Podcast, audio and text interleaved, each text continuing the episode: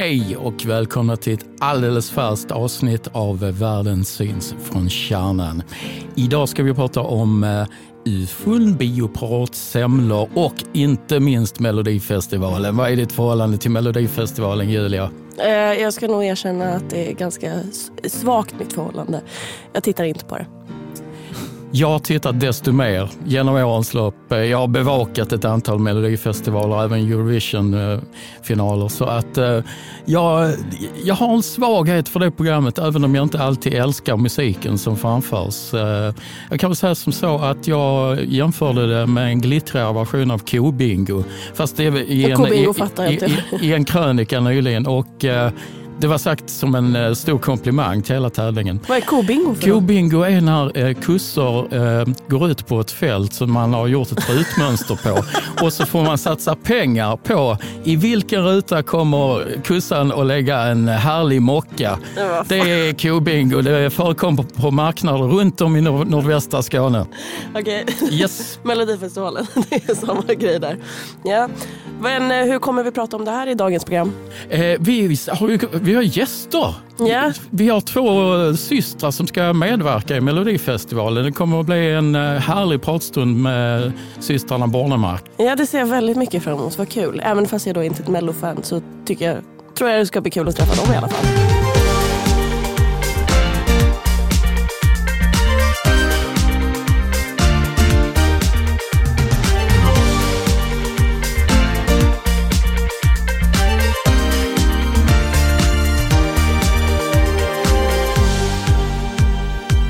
Nu tänkte jag att vi skulle prata om det bästa jag vet, men jag vet att du också tycker väldigt mycket om det, eller hur Stefan? Och om du syftar på ett visst bakverk eh, som jag misstänker att vi ska prata om, så ja.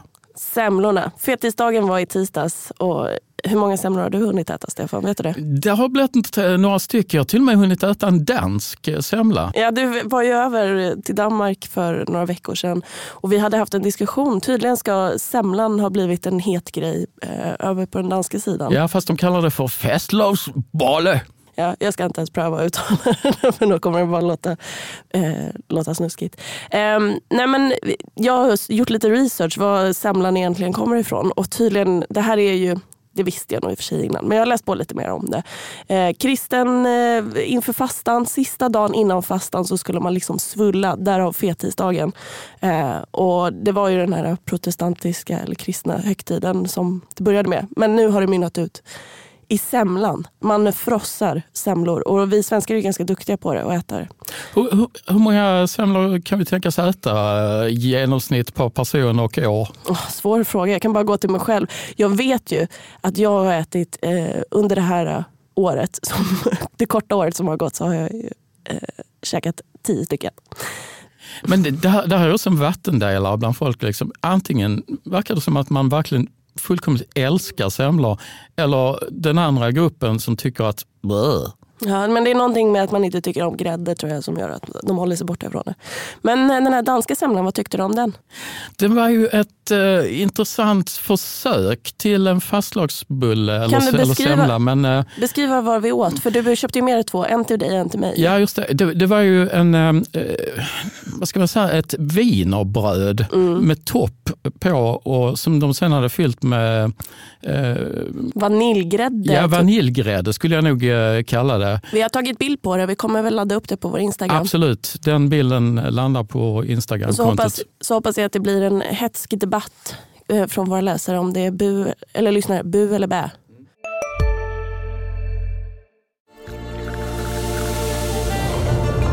Välkommen till Maccafé på utvalda McDonalds restauranger med Baristakaffe till rimligt pris. Vad sägs om en latte eller cappuccino för bara 35 kronor? Alltid gjorda av våra utbildade baristor.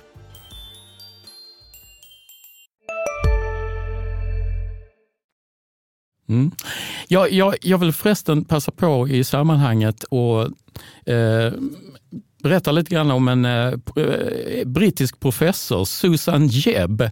Hon är ordförande för en organisation som heter Food Standards Agency. Det är en eh, vad ska, vad ska, man säga, eh, beskriva den som en organisation som försöker britterna att äta lite mer hälsosamt. det känns har, som de behöver det va? Ja, det, det kan man nog säga om man, om man tittar på den brittiska kosthållningen. Eh, men i vilket fall som helst, hon, hon har försökt eh, genomföra ett annonsförbud för skräpmat i, i England, men det har hon inte fått igenom. Men däremot alldeles nyligen så Eh, Eh, tog hon upp det här med att hon anser att om man tar med sig kakor till kontoret så är det att jämföra med att man utsätter sina kollegor för något som är lika farligt som eh, passiv rökning. Vad säger du om det? Men alltså fika på jobbet skulle vara lika farligt som passiv rökning. Om du kommer med en kartong kakor och sätter på bordet, så som vi ofta gör på det här kontoret, eh, så anser hon att det är jämförbart med att utsätta kollegorna för passiv rökning. Jag skulle säga att det är liksom the, the happening of the day när man ser att det är någon kollega som har smugit fram en skål med någonting eller ja, jag... en burk med någonting. Och du är ganska duktig på att smyga fram sådana burkar och lådor och grejer på fikabordet. Jo, eller, men Stefan? det är ju för någonting, alltså man smörjer ju hela arbetsplatsen med, med, med socker i. Så att, uh... ja, och det är bra där. Jag tänker att det finns uh, hälsofördelar med det här. Uh, det brukar komma fram på eftermiddagen. Säg sådär vid två, tre tiden när energin tryter lite. Det är fortfarande ett gäng timmar kvar av arbetsdagen. Fylla på då lite med socker. Det är liksom en bra energiboost. Det är en rejäl kick. Du kör på de sista timmarna och sen går du hem och bara totaldäckar. Ja, det är väl skitbra.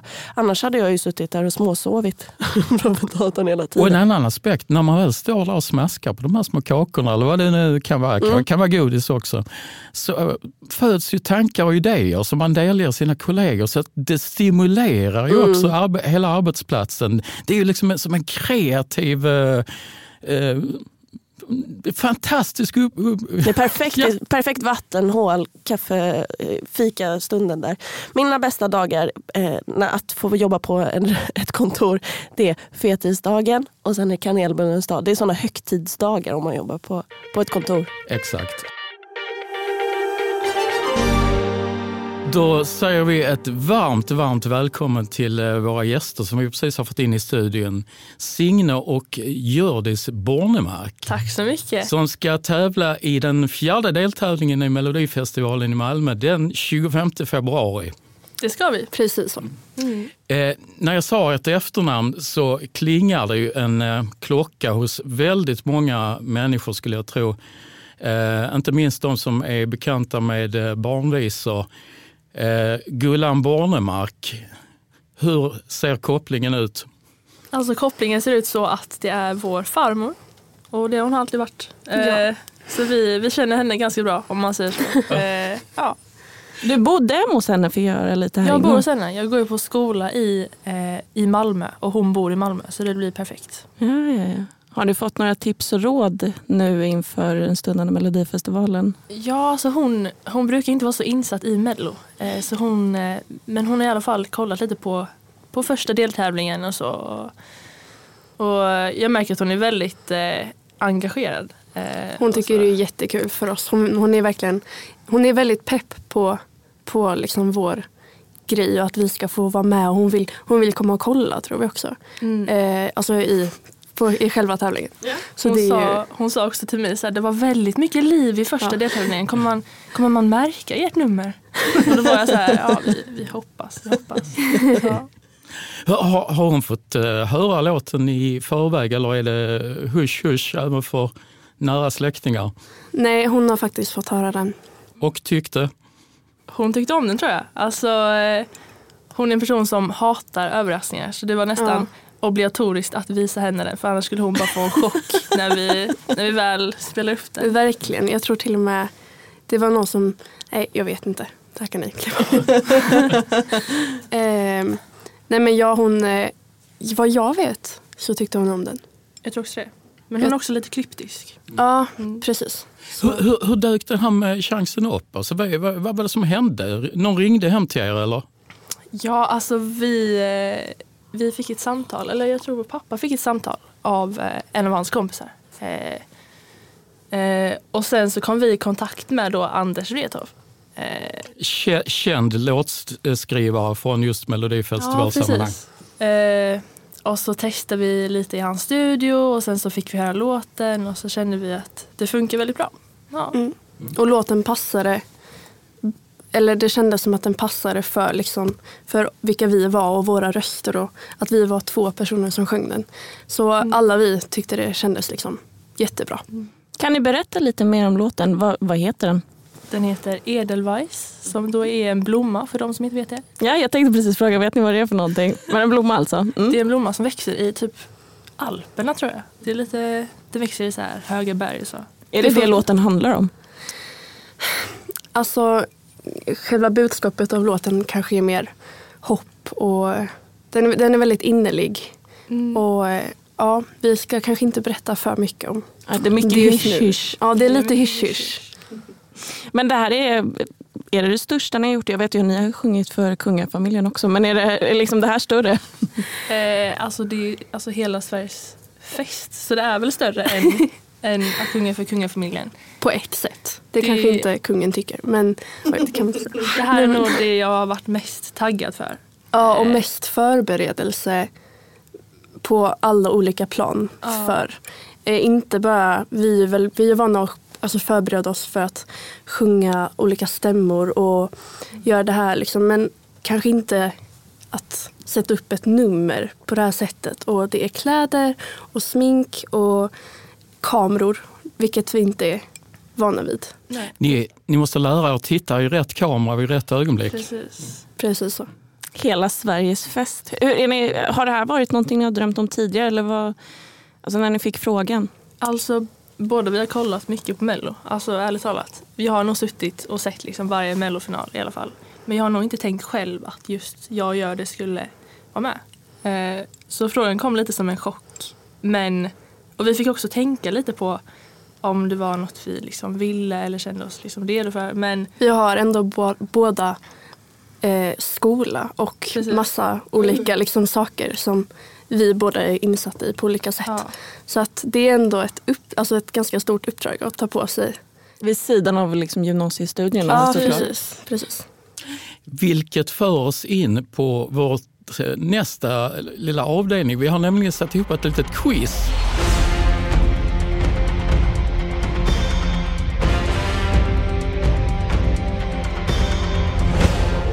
Ni är ju debutanter i Melodifestivalsammanhang, men hur mycket vet ni om Melodifestivalen? Så vi har, vi, vi har fem frågor som ni ska få chansen att svara på. Ja, Stefan har testat de här på mig innan ska jag bara säga. hur gick det för dig? Det gick eh, ungefär eh, lika dåligt som för tidningens chefredaktör som jag också har testat dem på. Så ni kan bara bli bättre än Ja, oss. kan jag absolut. Mm. Alltså jag, vi är, eller jag är en extrem vinnarskalle. Så att ni vet. Så att liksom, jag, om jag slår dig, då blir jag glad. Jag är vinnarskalle men dålig. Eh, första frågan. Vem sjöng låten Euphoria? Loreen. Loreen. Loreen. Helt rätt såklart. Mm, Då står vi lika än så länge. Men hon, hon ska ju sjunga i vår deltävling också. Så Just, just, just det, och, och, och, och det, det var därför jag hade den frågan med såklart. Mm. Eh, nämn, eh, det här är fråga nummer två. Nämn två låtar minst som eh, Carola har tävlat med i Melodifestivalen. Hon har tävlat fem gånger. Fem gånger? Fångad av en stormvind. Heter den? Kanske? Ja, Det är väl hon som har gjort den? Det är Ja. rätt, det är jo men rätt. det är hon Ja, som har gjort det den. rätt. Men jag tänkte, ja. Och eh, en till, kom igen nu. Nej, jag Men det här inte. vet man. Jo. jo men det är klart ni vet. Men en evighet, inte. är det hon som gjort den? Nej. Ja, det är vi Nej. vet. Ni är Jättebra. bättre än mig nu. Ja. Alltså namn är ju inte vår grej. Nej. tack. Och fråga nummer tre. Vad hette låten som Eva Rydberg och Eva Ros tävlade med 2021? Ding dong. Nästan. Ding. Ja, rena, Rena rama di- ding dong. Ja. Rena rama ding dong. Ni, ni får rätt för det också. Gör det, varför kan du det här? Alltså nej men det här sjöng vi på vår skolavslutning för något år sedan. Så det var bara ett ren tur, verkligen. Okej. Eh, Hasse Andersson, en annan skåning, tävlade och fick en stor succé med Guld och gröna skolar, skogar 2015. Eh, nämn en av låtskrivarna till den låten. Anders Wrethov. Anders Ja. Men wow! Hörni. Det vet man ju. Det vet vi. Som naturligtvis har skrivit er låt också, eller eh, han är en av låtskrivarna Han till är, ja. Precis. Och vi sjöng på Kul jul i, i somras tror jag. I Helsingborg. I Helsingborg. Och då sjöng också, eller då uppträdde Hasse Andersson med Guld och gröna skogar bland annat. Precis. Härligt. och då visste inte vi att vi skulle vara med i Mello med hans låtskrivare. Men det vet vi nu. Ja, det vet vi. Sista frågan, eh, fråga nummer fem. Vilken artist har varit med i Melodifestivalen flest gånger? Det här, det här vet jag. Vet du det? jag. Jag lyssnade, jag hörde det på typ radion igår. Okej, tänk nu. Nej, Det är inte Mariette typ. nej det är inte Mariette. Det är någon som har varit med typ 14 gånger.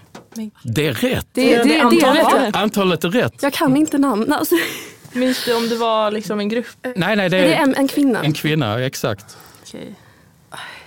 Kan du säga? I det, i det gamla gardet, alltså det, i det gänget med Lill-Babs och Siw Malmkvist. Men kan ni, kan ni säga typ första bokstav? Ja. Nej. Du sa, var det still going strong? Du? ja, hon är ju fortfarande igång, absolut. Ja, Jag vet det. här. jag kan Nej, inte. ni får säga. Ni får säga. Ann-Louise Hansson. Men, men, men, jag, men jag är djupt imponerad av att du visste att det var 14 gånger hon har varit med. Mycket, mycket, mycket bra. Så att vi, vi, vi sätter ett halvt rätt på den och då fick ni alltså fyra och ett halvt rätt på... Ja, det är så jag kan berätta att du var, slog både mig och chefredaktören, eller hur? För tidningen. ja, ja, utan tvekan. så för vinnarskallen. Tack. Bravo. tack. Eller vi slog Ja. tillsammans. Ja, visst, Tillsammans. visst. För ni är en duo. Jag tänkte gå över till en av mina frågor. Ni är ju en duo, två systrar. Är ni alltid en duo eller vågar ni göra saker själva? Eh, vi är ofta en duo men inte alltid. Jag tror vi båda har lite så här låtskrivar ambitioner vid sidan om. Och du, är också, du har också en egen a cappella-grupp. Ja, ju. ja, precis. Nej, men vi går ju på olika, olika skolor och där gör vi ju vår egna sak och sjunger i olika ensembler där. Liksom. Och jag, jag har en a cappella-grupp med mina kompisar och man gör lite, vi gör liksom olika saker också såklart. Eh, men det kommer ju sig väldigt, har alltid kommit sig väldigt naturligt att, att sjunga ihop och uppträda ihop om, med vår pappa. Eh, som skriver all typ av musik men också mycket barnmusik. Så vi har varit med på hans, hans grejer sen vi typ nästan föddes kanske. Ja, det är intressant. Vi kommer in på er pappa. För eh, han har ju faktiskt också eh, varit med i Melodifestivalen. Ja, det är Dan Bornemark ska vi säga. Eh, brukar han skryta om det nu hemma? Eller? Så, grejen är att jag visste typ inte detta förrän alltså, några veckor sedan. Jag har typ hört det någon gång. Men han har typ varit lite alltså, Men- kryptisk runt det. Ja, nej men jag, jag visste det men inte riktigt vad eller hur han hade varit med. Nej. Nej. Så han, Eh, han skryter absolut inte. Nej. Nej, nej, nej. Nej. Men han, han, han har suttit med i orkestern och spelat vid eh, två tillfällen. Precis. Ja, Eh, och då har han bland annat spelat eh, när Tommy Körberg vann med En stad i ljus. precis. Jag snackade med honom typ i förrgår om det. Och jag bara, du var ju med när han vann. Liksom. Han bara, nej, nej, nej. Det är som att säga att publiken vann. Jag var bara i bandet. Åh, en, en, en blygsam man. Han, han åkte ju tydligen på så här efter turné med Tom, Tommy Körberg och spelade piano där också. Och det har han också varit väldigt... han Han har har inte det. skrutit någonting. Nej, Ah, ja. han är inte så skry, skrytig av sig. Han borde vara lite mer så att man får reda på saker. Hej, Ulf Kristersson här. På många sätt är det en mörk tid vi lever i. Men nu tar vi ett stort steg för att göra Sverige till en tryggare och säkrare plats. Sverige är nu medlem i Nato. En för alla, alla för en. Har du också valt att bli egen?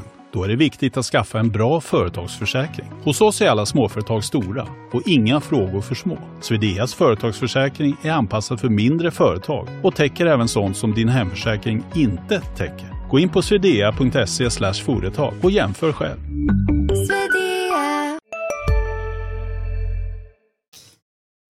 Alltså jag eh, har läst lite, nu läser jag lite till men det finns en liten lista som jag knoppat ihop med de genrer som ni brukar sjunga i.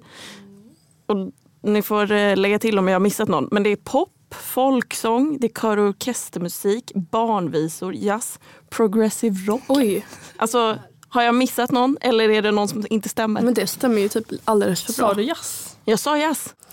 Alltså jazz är ju kanske, eller jag vet inte, för mig i alla fall. För kanske för dig också. Ja. Det vi gillar att sjunga, kanske mest av allt egentligen. Ehm, jag sjunger i, i en jazzensemble på min skola och du sjunger ju massa. Alltså Monica Zetterlund till exempel. Alltså vi, vi sjunger ju typ hur många låtar av henne som helst själva. Liksom. Ehm, också prog- progressiv rock. Vi är med i pappas, pappas, vad heter det? Progrockband. Progrockband. Typ. Green Asphalt. Green Asphalt. Som eh, han gett ut. Han älskar progrock och han skriver jättemycket progrock. Och hans favoritband är Gentle Giant. Men det är kul att, att, att spela lite olika eh, typer av musik. För att i det här progrockbandet så får jag liksom testa percussion och liksom xylofon. Och man får testa massa olika instrument och så. Det är väldigt spännande. Mm. Det får man inte göra någon annanstans. När, när, när, när vi pratar om sådana här eh, progrockband och ni nämnde Gentle Giant, det, det är grupper från 70-talet ju. Ja. Det är verkligen stenålders Men- Ja, ja. musik. Stefan, det är stenåldersmusik. Nej men sånt lyssnar vi, eller jag lyssnar på sånt fortfarande. En del, inte, inte allt. Ja, men sen så hade jag nog en liten fas där jag var så här. Ingen, Mm. Jag ska inte lyssna på någon musik som pappa gillar. Jag ska Mm. bara hitta en egen liksom, personlighet. Men sen så när man växer upp lite så fattar man att det är ju bra musik. Och Det är vi har hört den musik. sen vi var alltså, jättesmå. Det sätter ju sig. Alltså i, ja. Nej men nu, alltså jag lyssnar på massa progrock. Alltså jag vet inte. Det, det, det gick inte att undankomma. Är ni liksom allätare då? Ni sa att jazz var det eh, kul att sjunga och så men det låter ju lite som att ni inte riktigt kan bestämma er. Nej, precis. Det, det är nog alltså, bra på olika sätt. Sen gillar vi väl också att, att sjunga på, på liksom, att ta in vår typ av sång i olika genrer på olika sätt. Alltså den här Edelweiss som vi ska sjunga i Mello. Vi sjunger ju fortfarande som oss, allt, allt vi kan. Och vi sjunger även stämmor, vilket vi älskar att sjunga ihop en del. Ehm, så det är liksom, ja, det är kul att sjunga allt möjligt. Jag, jag måste fråga om den här låten Edelweiss. Det här kanske, jag kliver över en gräns nu, men får, får ni lov att nynna refrängen? Nej. Det får vi absolut inte göra. inte. Nej. Får jag be er nynna någon av er farmors låtar då istället?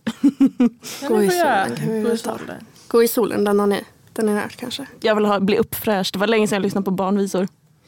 Det är så härligt att gå i solen, solen, solen. Det är så härligt att gå i solen. Den värmer så. Det är så härligt att se på himlen, himlen, himlen. Det är så härligt att se på himlen. Den är så blå. Och så vidare. Gud vad fint. Lysande, Ja. fantastiskt. Då får vi nöja oss med det när vi inte kan få, ja, få försmak på det andra. Eh, Men för att återknyta till Melodifestivalen, eller sa ni Mellon? Eller hur? Alltså man, man säger ju Melodifestivalen först i ett par dagar och sen så blir man tröttare och tröttare på att säga hela ordet. Så man säger Mello. Ja. Eh, har ni några egna favoritlåtar som liksom så här satt sig från eh, tidigare år? Alltså Salem Al Fakir med, vad heter den, Keep On Walking. Den är ju alltså en banger. Jag fattar inte varför den inte vann. Men Nej, den den har ha satt sig, absolut. Och såklart Euphoria som vann. obviously. Ja. Jag gillar ju också eh, Heroes såklart. Men jag kanske är lite biased för han gick på min skola nämligen. Och det är inte en så stor skola så det är ganska coolt att han gick där. Så eh, nej, men den är också en av favoriterna. Får man säga Får man säga en från Eurovision Song Contest? Ja, klart du får. Jag säga Fairytale av Alexander Rybak. Ah, det är den han spelar ja, fiol ja, ja. Det var ju inspiration, eller en av inspirationerna till mitt fiolspelande. Ja, för du hade en fiol på, på ryggen när du kom Ja, in här ja. i studion. Den hänger alltid med. Den är Nästan. alltid med dig. Jag måste, alltså, jag tänker, åldern på er, 19 och 16. Säg då att eh, ni vinner det här. Då brukar det bli en efterfest. Kommer ni kunna få gå på den? Det var det första jag Alltså, tänkte. Jag Ja. får gå på den. Ja, vi får se om jag får sitta på hotellrummet Nej, men själv. du får ju gå på den. Du måste dock ha en skugga bakom dig hela tiden. Precis, jag får bara slinka in. Ja. Hoppas Nej, på men, det bästa. Ja. Ambitionen är väl såklart att vinna när man ställer upp i en sån här tävling. Annars vore det väl... Alltså, alltså, vi hade ju knappt någon... Vår tanke när vi sökte var ju inte att vinna utan det var bara wow vad kul, vi, vi kör liksom. och sen när man kom med i bara själva tävlingen så var det liksom jättestor grej. Det var ju en vinst i sig, så. Mm. Lika ödmjuka som pappa. Ja. Ja. Vi är jätteglada för att vi har fått ha er här. Mm, det var väldigt Stort- kul att komma. Ja, stort, stort lycka till i själva tävlingen. Är det som med teaterskådespelare att man inte får säga lycka till kanske? Ja, men vi, vi ger en lyckospark i alla fall. Ja, ni får en lyckokick av Tack oss. så mycket. Ja.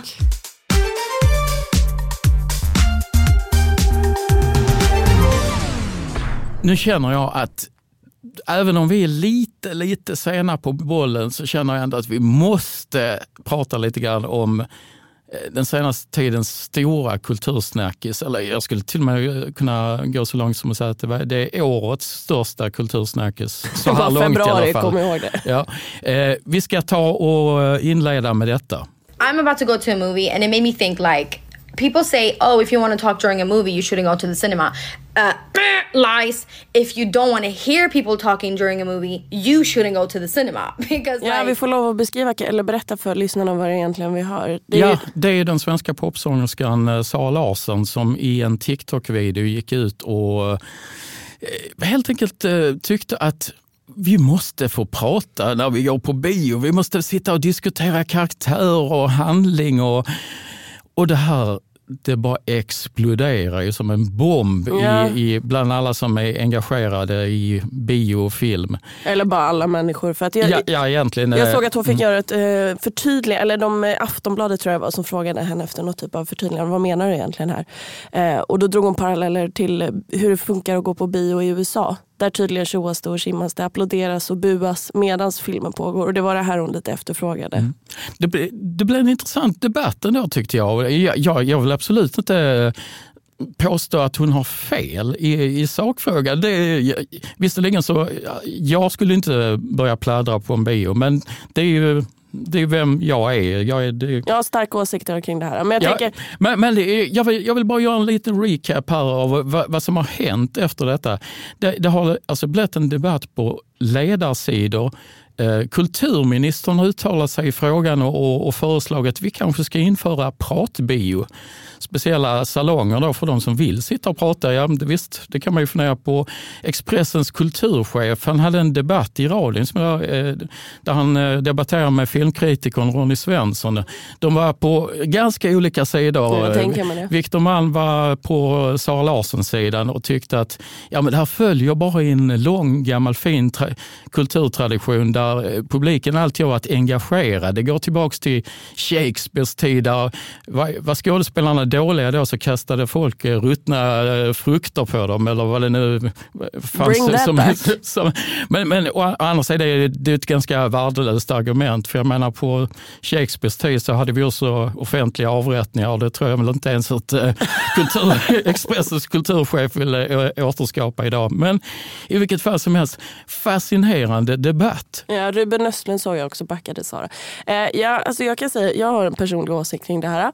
Ehm, jag fattar att eh, Sara Larsson egentligen, hon kanske är en sån som bara vill skapa lite, lite rabalder på sociala medier. Eller Kan- jag gissar det. Kan man misstänka. Och det lyckades hon ju med. Men i sak så är det så att jag blir förbannad. För ett, ingen går på bio längre.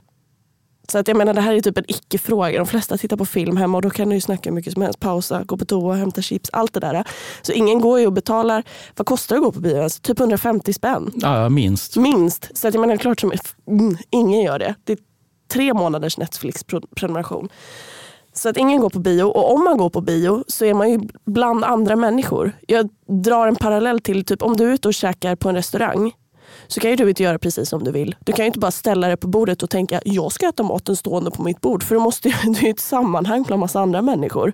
Så någonstans får du ju bara, ja ah, men okej vi kör att vi sitter på stolarna här. Samma sak funkar i en bio. Ah, okej, jag fattar. Vi tittar på filmen här. Så jag kan ju inte hålla på och gapa. Nej, men det, du, du har ju naturligtvis en poäng där. Tack. För att, för att ma, om man börjar hårdra detta så kan vi hamna i situationer där ja, men det är väl okej att prata på begravningar. jag, jag menar, han var väl ändå en liten skitstövel han som ligger där i kistan där framme. Eller hur man nu kan eh, liksom... Ja, jag tycker också det är töntigt att det blir en så stor kulturdebatt kring det hela. För att jag tycker det typ är en icke-fråga. Av mina två argument. Ingen går på bio längre och man är ju typ i ett sammanhang med massa andra människor. Så därför blir jag bara trött på kulturministern som ska starta någon jäkla pratbio.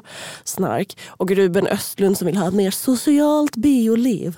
Problemet med Ruben Östlund är att han blivit lite för framgångsrik. Ja. Och, och, då, och då händer alltid detta med, med kända personer som blir lite för framgångsrika. Det, ta, det är som Lex Michael Jackson eh, eller Bar- Barbara Streisand. Mrs Wacko. Eh, Alltså, de, de blir lite mer utflippade än vi andra och liksom, eh, tycker att eh, man kan bete sig precis ungefär hur som helst. Men det som är bra med Ruben Östlund är ju ändå, jag tänker att det får en kreativ ådra. Att han, om han blir wacko, då får en kreativ ådra in i hans filmer och det kommer vi njuta av när vi går på bio. om vi går på bio. Redo för sportlovets bästa deal? Ta med familjen och njut av en Big Mac, McFeast eller Cooper Cheese och Company plus en valfri Happy Meal för bara 100 kronor. Happy Sportlovs deal, bara på McDonalds.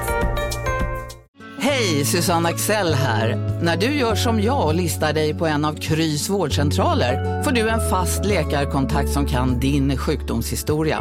Du får träffa erfarna specialister, tillgång till lättakuten och så kan du chatta med vårdpersonalen. Så gör ditt viktigaste val idag, lista dig hos Kry.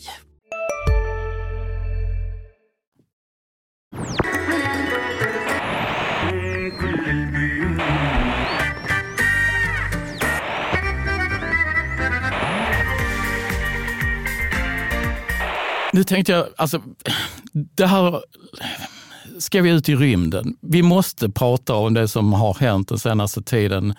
Kinesisk eh, spionballong nedskjuten eh, i USA det känns som att nu, nu står vi på, på kärnan och blickar ut mot världen, eller mot rymden i alla fall. Ja, det är precis det här vi ska göra i vår podd, att vi ska blicka lite längre bort. Så nu blickar vi långt utav bara helvete. Exakt. Men sen när den här så kallade spionballongen, som vi fortfarande inte riktigt vet om det är en spionballong eller inte, eh, när den hade skjutits ner så dök det upp nya objekt på himlen, ja, så kallade ufos som också har blivit nedskjutna. Unidentified, unidentified flying objects, som då är liksom den korrekta benämningen. Eh, som vi inte vet riktigt, vad är det här? De innehåller väl inga rymdvarelser? Vi har väl inte skjutit ner IT, mm. får jag mm. hoppas. Men de fyller Area 51 med eh, kvarlevorna ifrån det, eller? Ja, det, det, det, vet vi inte det heller. Alltså, så att, eh, men men det, det, är intressant eh, med tanke på vårt område. Vi har ju en eh, lång fin tradition i det här området med att observera ufon. Jag tänker på Pollenkungen i Ängelholm. Det finns ju till och med ett monument någonstans i trakterna utanför Ängelholm. Kan inte du berätta lite mer, du som är gammal?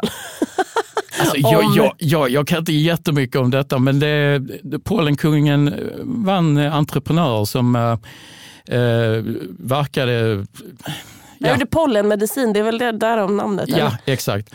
Eh, och I vilket fall som helst så eh, hade han vid ett tillfälle i livet en upplevelse eh, med ett eh, ufo. Och, mm. som han har återberättade ett antal gånger. Och den här har liksom satt sig så pass väl i uh, de här trakterna att uh, det här monumentet byggdes för x antal år sedan. Jag, ska, jag kan berätta lite om det här monumentet och min egen personliga relation till det. Mm. När jag började min uh, journalistiska bana för några år sedan så var ju mitt första jobb på en redaktion var som praktikant i, på HDs redaktion i Ängelholm. Och jag hade aldrig satt min fot i Ängelholm tidigare. För som ni lyssnare vet så är jag ju stockholmare. Eh, så när de ringde och sa hej du har fått jobbet i Ängelholm så var jag såhär, var ligger det någonstans? Får googla lite. Och då researchade jag fram bland annat det här ufot och pollenkungen. Så att eh, jag innan jag satte mig och gjorde första dagen på redaktionen så åkte jag faktiskt till monumentet. Tog med mig min mamma dit. Det var, det var din första upplevelse ja. av Ängelholm? Ja, så jag, var, så jag har varit ute vid det här monumentet och då var det också eh, någon kufig gubbe som gick runt där. Han hade någon liksom ryggsäck på sig och så gick han runt med något anteckningsblock. Så jag tänker liksom att det, att det drar faktiska ufo-fantaster, eh, fanatiker, till den här platsen. Då är det, liksom, det är Eh, det ser ut som någon farkost som står i det här mm, monumentet. Mm, mm. Och sen lite längre bort så är det en grop där det sägs att de här ufona har varit, liksom slagit ner.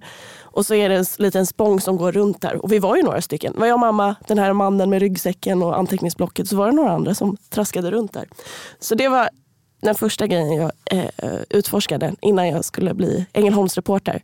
Den andra saken jag lyckades googla fram, det var eh, om den här mannen som byggde någon typ av kärnreaktor hemma I, hos sig. I sitt kök? Ja. Exakt. Det var en historia som dök upp för drygt tio år sedan vill jag minnas. Det var liksom de två grejerna som på något sätt så fick eh, sätta prägen på Ängelholm för den här stockholmaren. Han byggde någon typ av kärnreaktor hemma. Exploderade den? Det nej, nej det, det, tror jag inte att den gjorde. Han, han upp, alltså, hans eh, verksamhet upptäcktes nog av myndigheterna i, i god tid. Annars hade vi haft ett Tjernobyl fast i Ängelholm. Men det är ju fascinerande att tänka sig att det är i Ängelholm det, sådana här saker händer. Mm. Ufon och någon som bygger en kärnreaktor i köket. Så att, uh... Ska vi säga det till Kanada och USAs minister ministrar som nu är lite oroliga för vad som flyger över, ovanför dem. Att de kan ringa till Ängelholms kommun och kanske, vi har någon ufo-expert där. Eller så helt enkelt, de här så kallade ufona kan ju vara en skapelse av vanliga människor som bara har skickat upp eh, små egna farkoster. Men vi, idag är sånt naturligtvis fullt möjligt. Alltså. Ja, om det bara var en ballong. Ja, men den här storyn, to be continued. Ja, det kommer bli spännande att se var det landar någonstans. Men då säger vi stort tack för att ni har lyssnat på oss idag och eh, så syns vi och hörs vi nästa, nästa vecka. vecka. Ja. ja, hej då! Hej då!